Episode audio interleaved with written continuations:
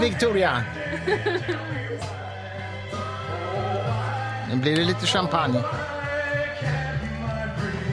Alltså kan vi inte, kan vi inte bara ha den här på repeat och sen ska vi bara gråta i grupp du och jag i en Vi halvtimme? måste höra sticket faktiskt, för det är så in i helvete Har ni inte fint. hört den här låten så lyssna på den efteråt också. If I can dream med Elvis såklart.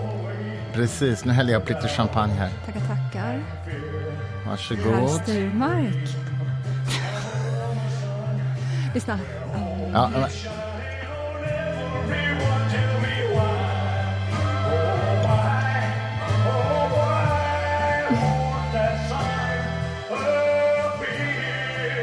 Och så kommer sticket här.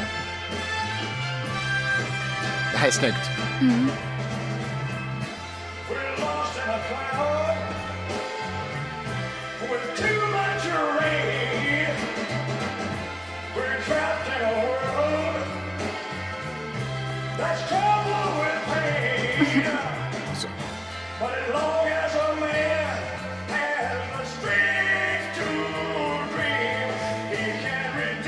Det är fiss-dim-ackord tror jag i det här Ja. sticket. Okej. Jag vill... Ja, jag ska- älskar att... ah, det här var ju inte liveinspelningen utan det här är alltså... Jag älskar att omslaget på den här LPn som kom ut har en vit duva. den heter också Halleluja. Den här sången är ju alltså från Elvis comeback-konsert eh, som gjordes på tv 1968. A Christmas special. Och han sjunger då den här låten som är skriven, tror jag, utav producenten till själva tv-showen. Just för denna tv-show. Och den handlar ju om, det är ju en protestlåt mot våldet i samhället. För det här är ju bara några månader efter att Martin Luther King, Nej, jag tror det är... Sam... Och- Jag tr... Nej, jag tror... Förlåt, men jag tror att det är Bobby Ken... Eh... båda dem. Ja, men detta är alltså... Eh, detta är dagen efter att eh, Bobby blivit... Aha, ja det kanske det är. Vänta, är det Bobby? Är det Robert? Vem Ja, utav ja, dem är det? Bobby? Ja. Men Ted Kennedy blir ju... ja, det är Robert Kennedy som blir mördad, va? Båda två blev det. Ja, okej, men han som blir JFK och Robert. Ja, just det. Just Men jag det. undrade vem som kallas för Bobby och det är ju Rob- Ja, det är Robert. Robert. Jo, för att JFK kallas ju för JFK. Han föddes, de döpte honom inte till John F. Kennedy. Eh, nej, just det. Det är Robert. Kentucky Fried Chicken. Det är Robert som blir skjuten när han håller tal på något hotell, tror jag. Ja, så var det. Jag vill också bara... Men eh, även Martin Luther King har dött bara några månader innan det Ja, här. så är det. Eh, jag vill också bara berätta att jag nu inser att den här plattan som kom ut med den här låten, den hette inte Halleluja, utan detta var tydligen en samlingsplatta där även Westlife ingår. Jaha, ja, ja, där ser man. Ehm. Men det här var alltså Elvis. Han, alltså vilken jävla röst han hade. Mm. Jag har alltid tyckt att Elvis är lite tacky. Eh, men du och jag var ju och såg nya filmen om Elvis eh, häromdagen. Och eh, man blir ju berörd om, av, av hans öde. Och man blir berörd av hans eh, storhet som artist. Alltså. Och han var, Shit. ja, verkligen, och han var ju tacky också. Ja, precis. Ja, det är ja. bara så paradoxalt att någon som har så dålig smak också kan ha så god smak. Men, det är, Ja. men det, är, det är någonting som du och jag kan fascineras över regelbundet, hur vissa högt kvalificerade människor på vissa områden i livet samtidigt då kan köpa fåtöljer med typ lejontassar på. Inga namn ska Inga vi namn nämna, ska nämnas. det, det är sant. Vi har ju sett en del människor med mycket gott, pengar, men, gott med pengar med väldigt dålig smak. Det, det kan ju se ut som en inredning hos Saddam Hussein. Liksom. Jag har faktiskt sett det i Sverige, vill jag säga.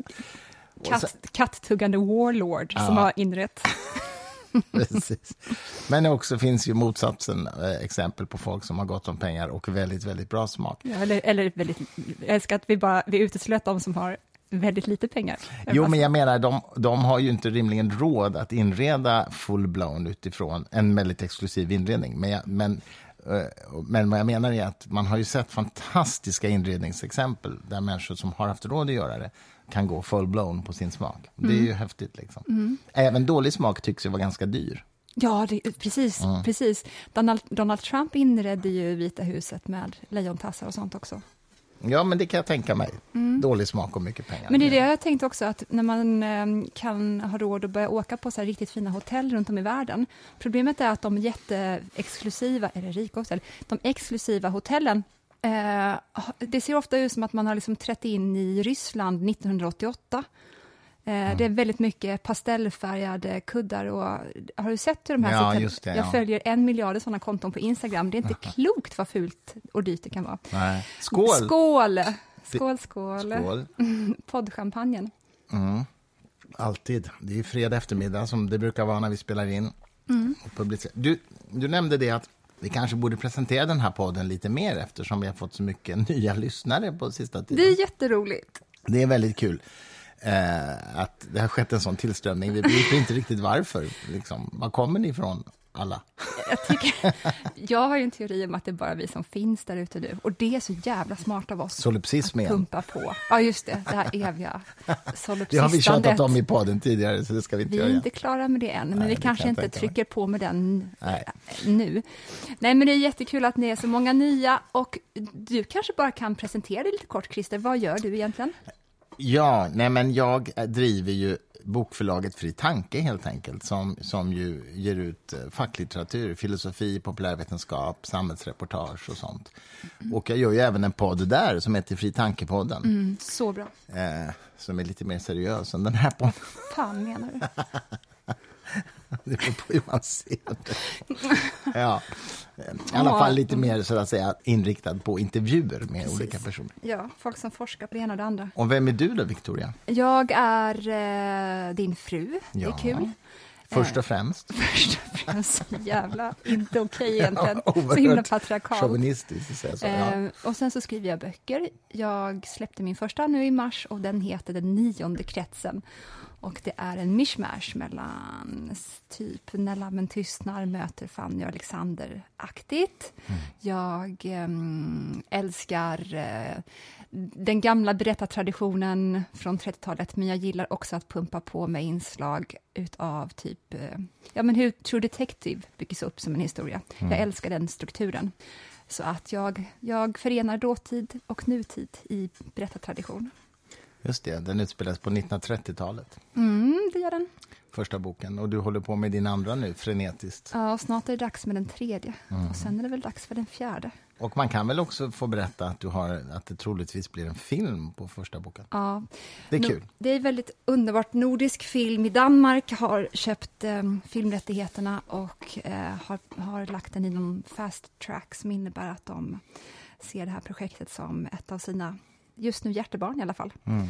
Eh, Så vi hoppas på att det blir av inom, att ins, någon slags inspelningsdatum ska komma inom 18 månader i alla fall, utlysas inom 18 månader. Det är kul faktiskt. Ja, det är jättebra. Det ska, vem ska spela Livia? Jag vet inte, det får vi se. Säkert någon ny. Jag vet inte, jag blir stressad bara jag tänker på det här. Jag blir nervös. Du har redan gett bort en roll till Stellan Skarsgård om han vill ha den. Ja, precis. Jag har jag mulat honom med information om min bok och han... eh, Ja, jag hoppas att han ska spela den här, eh, den som visar sig vara ondingen i slutet. Ondingen. Ja, man, ja, precis. Man tror att han är den härligaste. Många som läser boken och har kommit halvvägs säger åh, han säger inte hans namn. Mm. Åh.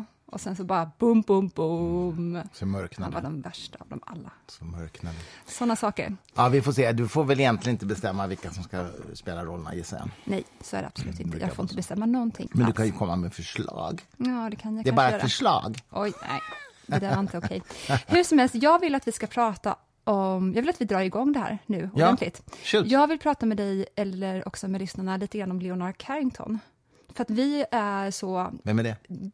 Det, det är hon som jag har sagt till dig 22 gånger. När vi såg eh, dokumentären om Peggy Guggenheim, då Just sa det. jag om och om igen, jag vill prata om Leonora Carrington, Just det, jag vill prata om det. Leonora Carrington. Ja, men och sen så gjorde jag inte det. Ska för du att jag berätta vem Peggy mig. är först kanske? Ja, men först? precis. Peggy var ju då den här legendariska konstmecenaten som var far... Äh, vänta, nu ska vi se. Han som grundade Guggenheim-museet i New York. Hans brorsdotter hette Peggy Guggenheim. Mm. Och eh, eh, Peggys pappa, som då såklart eh, följaktligt också var en Guggenheim, han dog alltså ombord på Titanic. Och eh, när var Titanic? 1911 kanske? Eller nio. Ni- Eller nio. Eller något Känns där också rätt. Ehm, och då dog han med sin älskarinna som han hade ombord. Så det var en stor, stor skandal då att det uppdagades i samband med hans död. Eh, lång historia kort, Peggys mamma får inte så mycket pengar från Guggenheimarna efter det som eh, hon kanske hade hoppats. Det var fortfarande så att hon fick en rejäl slant med pengar. Nog i alla fall för att lämna Peggy 450 000 dollar vid sin död. Och med de 450 000 dollarna i bakfickan så åker Peggy till Europa och eh, eh, köper på sig vad som är då eh, begynnandet eller början på modernismen. De största konstnärerna cirkulerar i Paris under 20-talet. Kandinsky, Picasso och så vidare. Pollack? Eh, ja, Pollack kommer i New York sen. Det är mm. lite senare faktiskt. Okay. Mm. Eh, jag tror aldrig att Pollock lämnade USA. Han var ju snickare från början. Som eh, sidospår också Harrison Ford var. Vet du det? Nej, det är det ingen aning om. Så att när... Men det intressanta är väl att Peggy Guggenheim plockade upp de här innan de var kända. Ja, precis. Hon hade ju en otrolig näsa för det. Hon hade verkligen. Och hon var så också så talangfull eh, när det kom till att veta vilka människor som skulle lära henne någonting. Hon hade en otrolig urskiljningsförmåga. Alltså är det någonting som jag verkligen tänkt att man kan benådas med här i livet, och är det någonting som man verkligen ska vårda och slipa så är det just den här urskiljningsförmågan. Urskiljning är verkligen allt.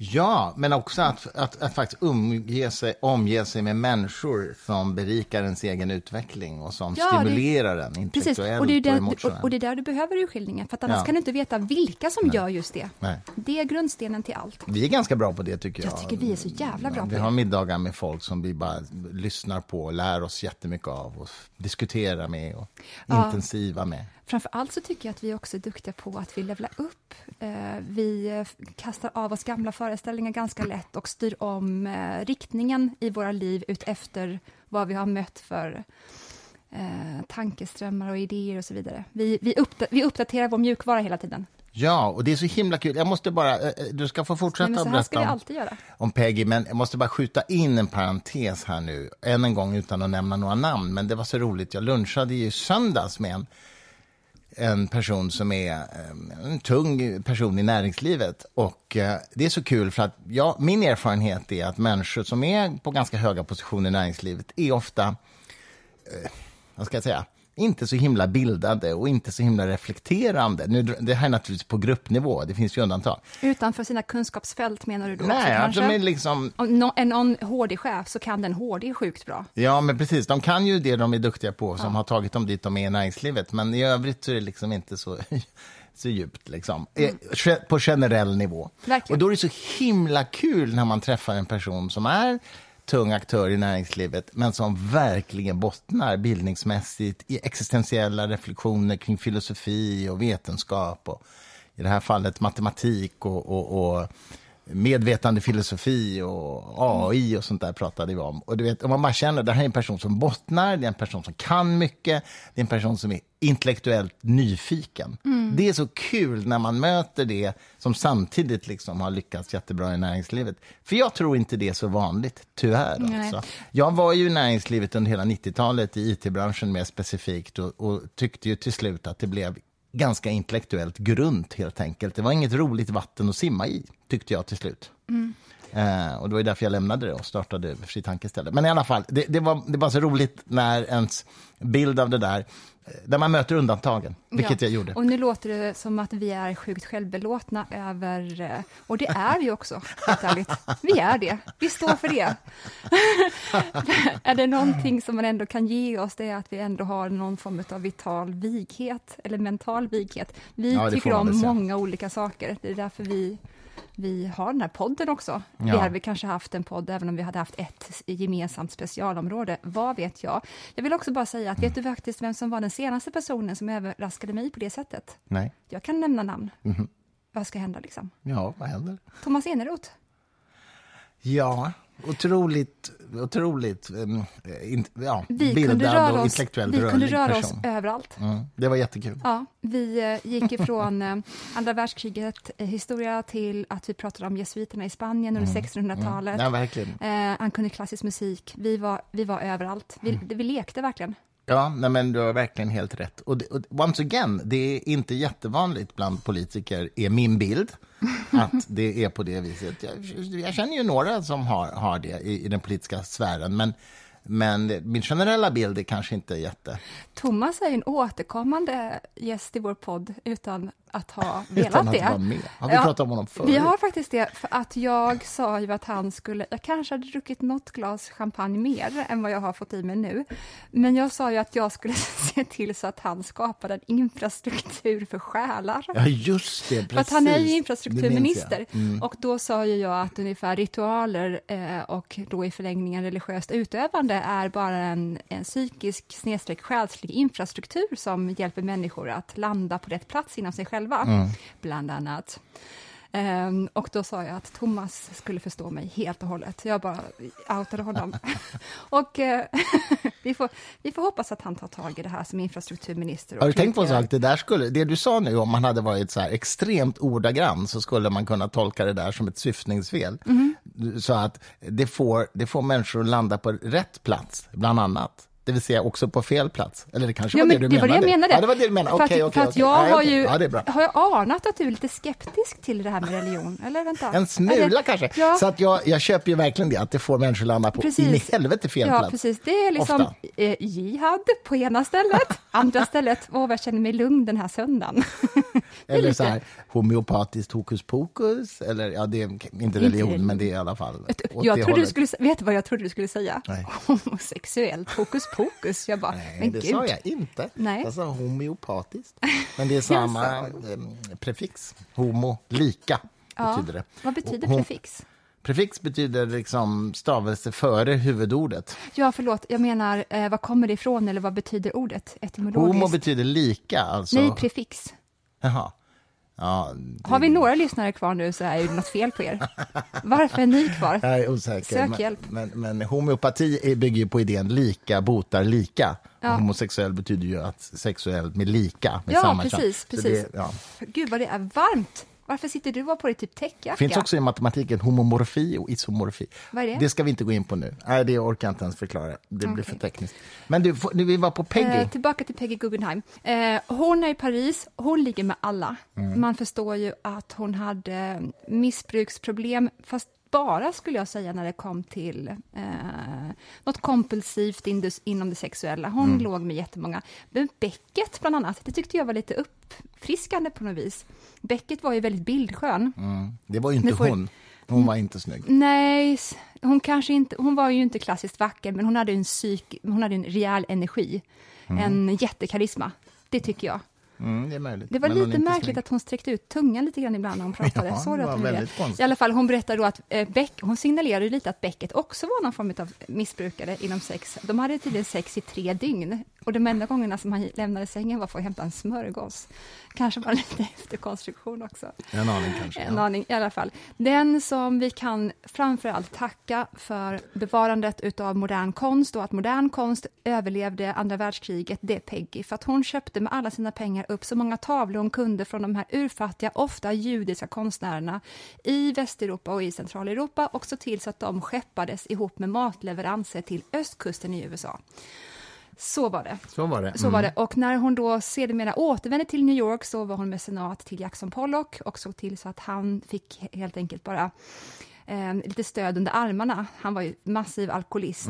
Första kanske stora träffen som hon anordnade i The Russian Tea Room i New York, då han skulle träffa då andra berömda konstnärer och journalister, då blev han så full omedelbart att han spydde över hela mattan.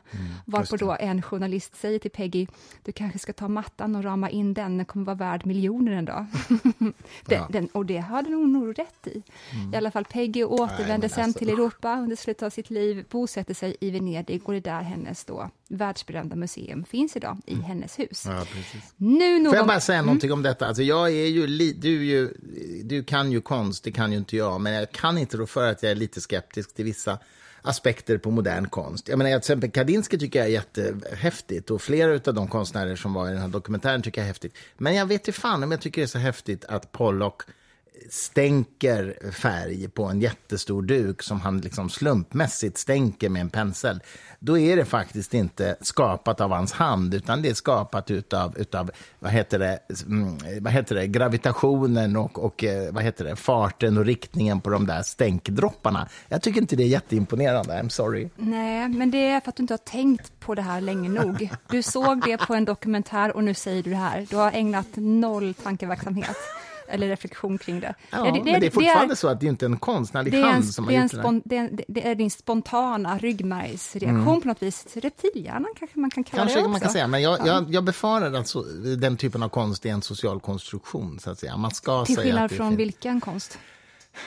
Um, Ja, okej. Okay. I någon mening är ju all konst en social konstruktion. Men mm. att, att den är fantastisk men... Alltså, nej, men vänta, tro, tycker du verkligen det? Finns det inte en objektiv estetik i en hel del konst? Eh, så här är det, Skönhet tror jag. An, brukar ju du hävda är objektiv. Jo, men eh, antingen så är det så att man påverkas av ett verk, eller så gör du det inte. Mm. Och jag utesluter ju inte att de verken som jag älskar inte berör någon. Mm. Så är det. Mm. Det är det subjektiva.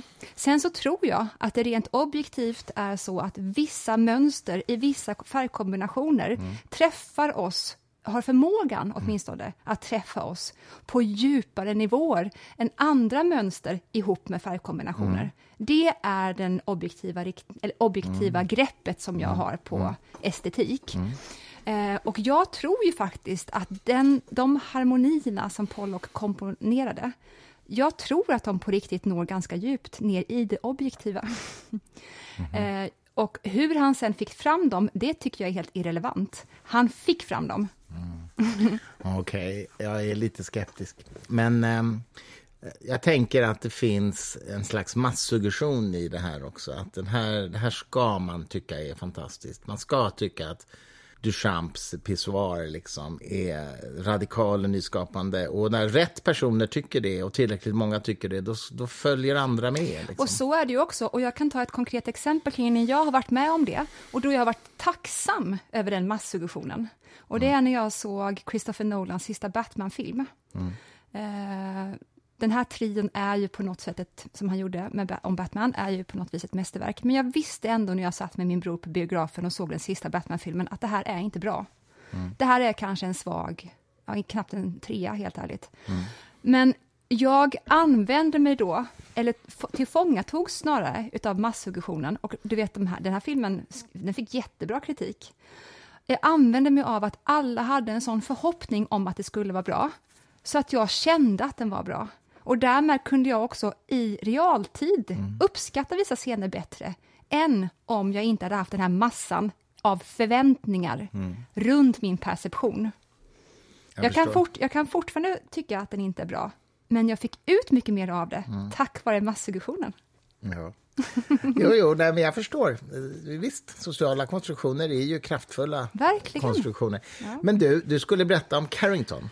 Kort historia om Carrington. Eh, Carrington växte upp i England början av 1900-talet. Eh, ganska fin familj, judiskt påbrå från mammans sida. Carrington har så mycket ADHD så de skickar iväg till ett kloster fast de inte är särskilt religiösa. Googla gärna på Leonora Carrington, hon var otroligt vacker dessutom, mycket karismatisk. När hon är i eh, 17-18 års åldern så får hon syn på en tavla i någon tidning och vet bara när hon ser den här tavlan att den mannen ska jag ha, som har målat den. Då vet mm. hon inte ens hur mannen ser ut. Hon eh, ger sig på eget bevåg iväg till Paris för att se den här utställningen och där står Max Ernst. Mm. Eh, vet ni inte hur han ser ut, så googla på honom också. Också extremt bildskön, helt ärligt. Mm. Mycket, mycket äldre än hon. Eh, han blir blixtkär i henne, hon blir blixtkär i honom. Tyvärr är han gift och har ett barn, det struntar han i. Eh, han tar med henne ut på landet i Frankrike och där så målar de tavlor och har förmodligen jättemycket sex. Mm. Ganska länge faktiskt. Tills andra världskriget kommer. Eh, Max, eh, som då är judisk också, måste fly. Eh, Leonora flyr till Nordafrika, mm. hamnar på mentalsjukhus såklart, när hon får veta att den där idioten Max har faktiskt eh, gått champagne. och blivit ihop med Peg Guggenheim istället, ja, det aset. Herregud. Peg är ju då svinrik, Leonora är inte så rik. Mm. Leonora eh, kommer så småningom slå sig ner i Mexiko och där, precis som Peggy, så grundar hon en form av... Många konstnärer kommer dit, hon målar massa tavlor, det är surrealism som hon är verksam inom. Och eh, Peggy Guggenheim har ju fortfarande då den goda smaken att köpa många tavlor av Leonora, fast hon vet att Max fortfarande är kär i henne. Eh, över till Robert Capa. Vem var Robert Capa? Nej, ingen aning. Han är en av världshistoriens mest berömda eh, krigsfotografer. Det var mm. han som fotograferade D-Day, eh, landstigningen vid Oma, Omaha Beach. Jaha, Omaha Beach. Okay. Mm. Mm. Och eh, han eh, kommer så småningom bli ihop med Leonora Carrington i mm. Sydamerika. Så från Max Ernst så blir hon ihop med Robert Capa som jag tror det är 1954 kommer stiga på en landmina och dö. dö. Mm. Då måste det vara Koreakriget med andra ord.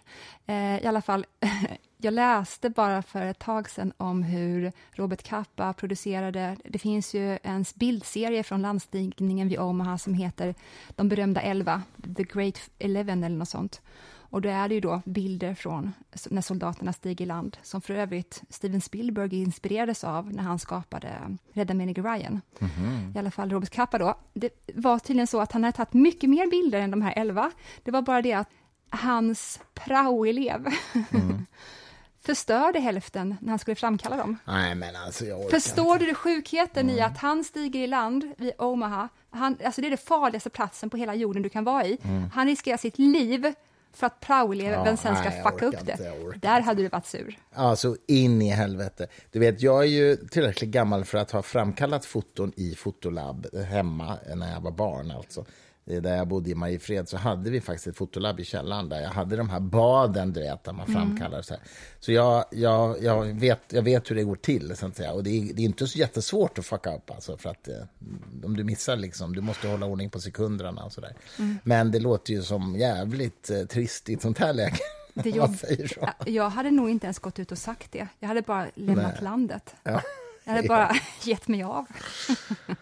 oh my god, ja. Mm. Precis. Ja, men vad intressant. Men du, en annan sak, nu byter jag fullständigt ämne här, men en annan sak som du har gjort i veckan, det är ju faktiskt att du, du har kontemplerat, heter det. Mm. Heter det så? Kontemplerat. Det beror på vad du menar. Över, över primtalens oändlighet. Ja. Jag visade dig ett matematiskt bevis för att det finns oändligt antal primtal. Ja. Vilket du blev helt fascinerad av. Det var det vi satt på en uteservering mm. innan vi gick på filmen Elvis och ja. drack drinkar. Och så drog, vi, drog jag det där beviset, ja, men som du blev helt tagen av. Det, det, är, eh, det är bland de lyckligaste ögonblicken i mitt liv. Det är när vi sitter på en vacker uteservering, vi har varsin drink, jag har gjort mig fin, du har gjort dig fin och sen så vinkar du till servitören och säger får jag papper och penna? Och då blir det kul! Då händer grejer. Alltså det är så nördigt. Så jag, alltså, ja. Det var så fantastiskt. Mm. Men det är ju ett väldigt, det, jag måste bara säga, det är ju ett väldigt vackert matematiskt bevis för att det är egentligen inte särskilt komplicerat, men det är ändå så här, det är liksom matematikens själ på något sätt. Primtalen menar jag, är ju matematikens själ. Kan du inte berätta varför det är det? Eller varför de och primtal är, är ju ett tal som inte är delbart med något annat tal än sig självt och ett. Det är det som är själva definitionen på ett primtal. Och de, de bygger liksom upp de bygger upp, de bygger upp hela talteorin kan man säga. Man brukar ju tala om aritmetikens fundamentalsats som säger att alla tal som inte själva är primtal, de går att skriva som en produkt av primtal. Mm. Till exempel då, ja vad ska vi ta? Talet 15 kan man skriva som 3 gånger 5, alltså primtalet 3 gånger primtalet 5. Mm. Eh, och så vidare. Va? Eller, eller 21 kan skrivas som 3 gånger 7. Mm. Det är ju aritmetikens fundamentalsats. Så primt, primtalen i någon mening bygger upp alla andra tal. Mm. Och de har samtidigt den här märkliga egenskapen att de ibland dyker upp som par. Mm. 11 och 13 till exempel. 17 mm. och 19 och så vidare. Och de där primtalsparen kan man undra, hur ofta förekommer de? Och hur mycket, för de kommer, förekommer färre och färre, eller glesare och glesare på tallinjen. Mm. Man kan fråga sig, finns det oändligt antal primtalspar? Det vet inte jag. Det kanske man vet, men jag vet inte. Mm. Men det här beviset som jag visade för dig, det bevisar att det finns oändligt antal primtal i alla fall. Mm. Och det som jag tycker är så vackert med det där beviset i sig, det är ju att det, det bygger på ett så kallat reductio ad absurdum-bevis. Det, det bygger alltså på att man antar motsatsen. Man antar att det finns oändligt antal primtal och så visar man att det antagandet leder till en motsägelse. Eh, alltså måste det finnas oändligt antal primtal. Det är ett väldigt vackert bevis i alla fall. Och det var kul att, det var kul att gå igenom det med dig. Och det är ju verkligen ett mentalt knep man kan använda sig av i vardagslivet eller i mm. sin relation också. Det är när någon gör ett antagande som man kanske inte helt håller med om, men man, eller så är man bara tveksam eller undrande. Och då kan man börja med att säga, okej, okay, men låt oss anta att det är tvärtom då. Mm. Vad tyder på det? Mm. Vad tyder det på? Ja, precis. Ja, precis. Mm. Mm. Och, ja, men precis, jag håller med dig. När man ska bedöma ett påståendets rimlighet så kan man prova att anta motsatsen och se om det leder till en orimlighet. Mm. Då, det talar ju för att det första är rimligt. Ja. Nej, men visst, det går att använda i vanligt sunt förnuft. Mm. Men inom matematiken så blir det ju väldigt exakt. Det, det, därför att antagandet, om det leder till en motsägelse, alltså en bokstav, logisk motsägelse, då vet man att antagandet var fel. Mm. Mm. Då vet man att motsatsen gäller. Och det är så det här beviset fungerar, mm. i just det här fallet oändligt antal primtal. Ja, men det, det, var mysigt. Jag undrar vilka matematiska förebilder som Gödel hade. Vet du det? Det är klart att vi, att vi nej, halkar in på, Gödel nu, men vi måste ju ändå göra det. Du vet inte? Nej, okay. nej det vet jag inte. Det vet jag faktiskt inte.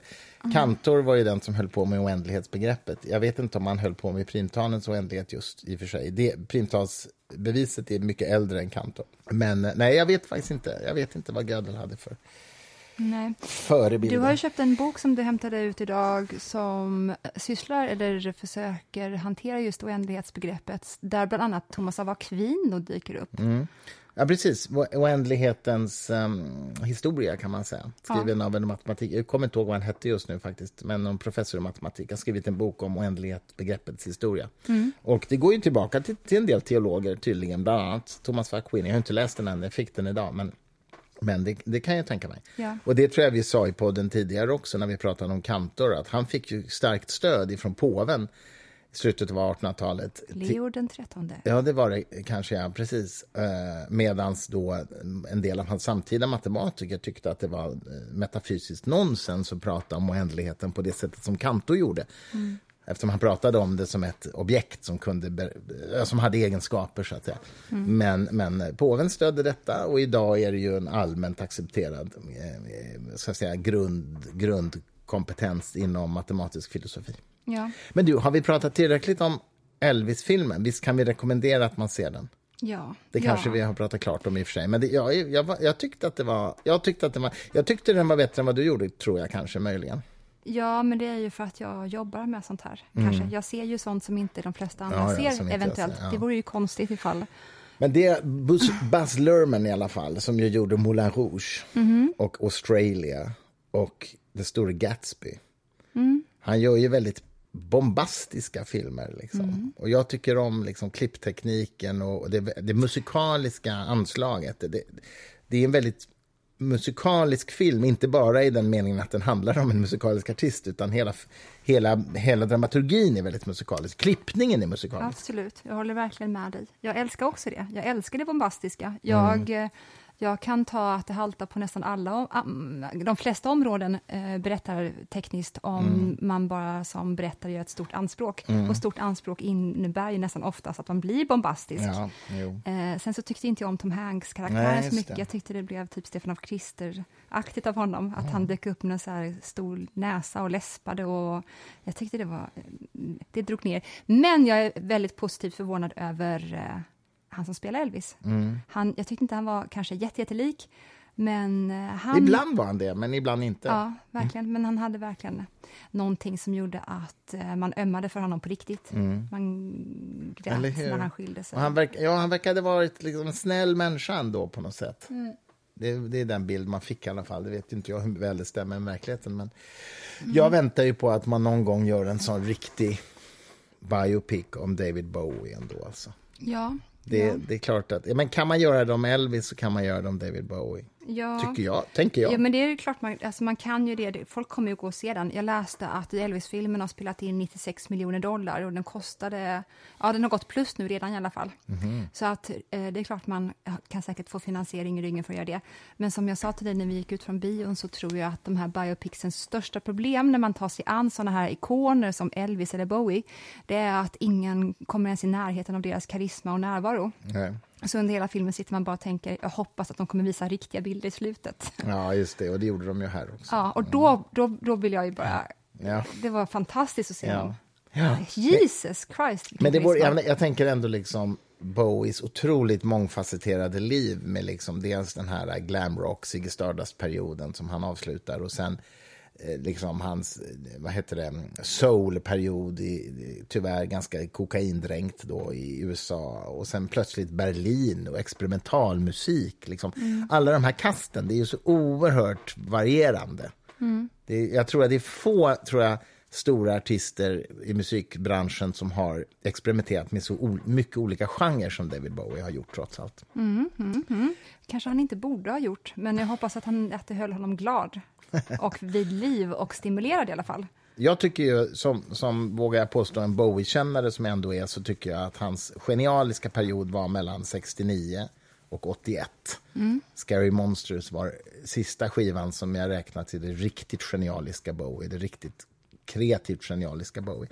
Sen kom det en hel del grejer som var lite mera plain, tycker jag. Men med några ly- lysande undantag. Men, liksom, men den där perioden, 69 till 81, där var allting enastående, tycker jag.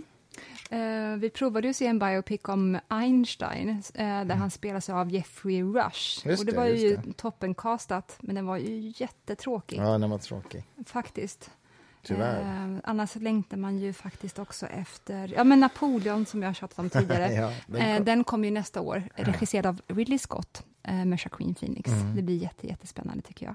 Men jag skulle vilja se en ny, riktigt bra eh, biopic på Einstein och jag skulle vilja se en om Darwin med hans fantastiska... Tänk dig vad du kan göra med dagens datoranimerade djur och växtliv eh, som ju är o, oskiljaktigt från verkligheten. Ja, Och så Darwins resa med Beagle. Och jag sådär. tror ju att all, all, alla berättelser, även ifall de är baserade på äkta personer, så är det så att de måste ha en eh, dramaturgisk nerv som Aristoteles ringar in jätte, jättebra i hans bok The Poetics.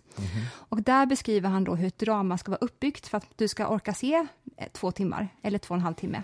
Och det var någonting som Shakespeare använde sig av och det är någonting som Aaron Sorkin idag använder sig alltså alla använder sig av det med andra ord. Och för att man ska faktiskt ha intresse för ett, en, hur ska det gå för den här människan, så måste man eh, få se att den på något tillfälle transcenderas, att den förändras. Den måste möta svåra motgångar i livet och kliva ut på andra sidan på något sätt, antingen som en förstörd människa eller som en ny, newborn person. Och innehåller inte en film eller en bok de elementen så kommer det vara en dokumentär istället. Så det kanske är snarare så att man längtar efter en dokumentär om Darwin, för jag vet inte ifall det är så att hans stora tragedi hände för tidigt. Man försökte ju se på att göra en sån här film om Armstrong. Eh, han det? Astronauten, Astronauten, menar ja, du? Mm, precis. Neil Armstrong. Precis, och att han då eh, försöker hantera, precis som Darwin gjorde. Darwins dotter dog, dog ju när hon var väldigt liten. Precis, jag tänkte just Och på det. samma det sak med. Neil, ja, precis. Hans tragedi. Liksom. Och det var likadant, Armstrong fick också ett Just barn det. som blev jättesjukt och sen så då ger de sig ut på sin stora upptäcktsresa. Men då har liksom det här jobbiga hänt lite för tidigt i deras liv Mm. och sen så börjar deras stora äventyr och då tickar det på i två timmar. Eh, helst ska det vara så att den här stora, stora förvandlingen ska Mm. hända tre fjärdedelar in i berättelsen. Och sen då så, tack vare att de kommer ut på andra sidan, så gör de någon form av stor final. Eh, jag, Jo, tror att, jag jag, tror att Mm. dramaturgi, vi är kodade att uppfatta historier på ett speciellt sätt, Mm. som jag tror i grund och botten har med överlevnad att göra i oss. Jo, men jag tror, jag tror att du har rätt i det i och för sig. Det är bara det att jag tänker att, att Darwins... Jag menar, hans förlust av hans dotter gjorde ju bland annat eh, att han hade svårt att tro på den traditionella kristendomen längre. Och eh, samtidigt var han ju extremt försiktig. Han vågade ju inte riktigt... Han vågade ju inte riktigt eh, offentligt liksom ko- kommunicera konsekvenserna av hans evolutionsteori. Det fick ju hans... Eh, Huxley, hans liksom Darwins bulldog, Thomas Huxley, han fick ju ta matcherna istället. det. vad sa du? Jag älskar att han kallades för Darwins bulldog, Ja, på den tiden det. redan ju. Ja, visst. Och det var alltså Thomas Huxley som var farfar till Aldous och Julian Huxley dessutom. Ge en kort presentation av dem. Nej, men, ja, men Thomas Huxley jobbade ihop med Darwin helt enkelt. Och, och, ehm, så- Nej, jag, nej, jag menar alltså av... Jaha. Barnbarnen? Ja, med tanke på dokumentärserien vi ser nu också om Ja, just det, det ska jag göra. Jag ska, jag, ska, jag ska bara säga om Thomas Huxley först, att han var ju den... Jag vet inte i, i stor utsträckning han var med forskningsmässigt med Darwin, det vet jag faktiskt inte, men han var i alla fall då en tidig anhängare av evolutionsteorin och han var liksom inte rädd att ta debatten med de religiösa kreationisterna på den tiden. Ja, alla var ju kreationister innan Darwin i och för sig, så det är nästan fel att kalla det det. Men i alla fall, så han tog ju matchen för Darwin, för han vågade inte. Han var liksom en ganska räddhågsen och ängslig herre. Eh, barnbarnen eh, Aldous Huxley, som skrev Brave New World, The Doors of Perception. och The Doors of Perception, som ju är hans bok om psykedelika. Och Kommer brors, brorsan Julian Huxley, som var eh, ordförande för Unesco på 50-talet, bland annat. Och, ehm, ja.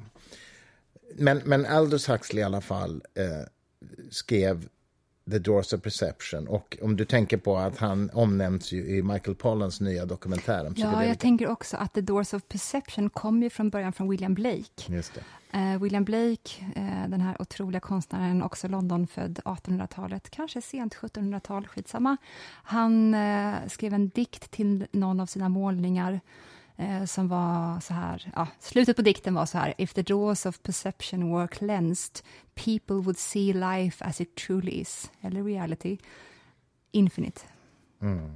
Och eh, det var väl då den här infinite, eller oändligheten, som Huxley använde sig av som metafor efter att han hade tagit LSD då på... Ja, jag tror inte det var 40 eller LSD, jag 50? tror det var meskalin faktiskt som han tog i och för sig. Men det spelar ingen roll, det är ju psykedelika i alla fall. Och, eh, och han skildrar ju vad det innebär att göra en psykedelisk tripp med en full författares språk. Liksom. Så det är oer, oerhört häftigt. Vill man inte prova det själv så ska man ju läsa The Draws of Perception för det är som att uppleva en tripp fast genom läsning. Det är en fantastisk text, oerhört fascinerande. Och nu har ju då Michael Pollan, vetenskapsjournalisten som har skrivit en bok, en um, psykedelisk renässans som vi, som vi har gett ut på Fri Tanke. Den heter alltså How to change your mind på engelska. Den har blivit en dokumentärserie i fyra delar på Netflix som hade premiär häromdagen. Och eh, den är verkligen sevärd. Den är verkligen sevärd. LSD, eh, psilocybin, alltså magiska svampar, ecstasy, MDMA alltså, och meskalin tror jag är den fjärde som avhandlas. Varje substans i varsitt program. Mm, mycket fascinerande. Och det som är så intressant är ju alltså att forskning nu tyder på att de här preparaten kan användas för att häva depressioner, häva eh, tvångstankar, häva missbruk, PTSD. eh, precis, posttraumatisk stress och även hjälpa människor som ligger inför döden i, i, i cancer eller någonting sånt. Ja, att att hantera, hantera. Mm. sin dödsångest. Så att det är ju faktiskt oerhört fascin fascinerande. Alltså. Det är Eh, det. Sen, sen är det ju, ja, eh, det, det är ju ett känsligt och kontroversiellt ämne och, och sådär. Och eh, det förbjöds i USA när hippiekulturen sög upp det här. Eh, innan dess var det ju inte förbjudet.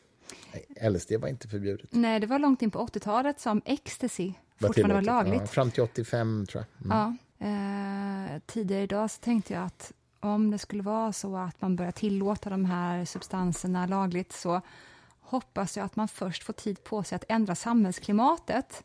För att de som kommer kasta sig över de här tabletterna först kommer ju vara de som har svåra psykiska problem och missbruksproblem och som inte blir vägledda i sin upplevelse av de här ke- kemikalierna.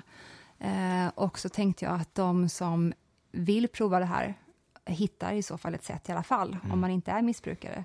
Så att på något vis så filtreras ändå de här tabletterna eller svamparna genom någon form av samhällsskydd, genom sin förbjudenhet. De som, de som är kapabla att komma åt dem, eh, fast olagligt, kanske också är mer mentalt kvalificerade att komma åt dem.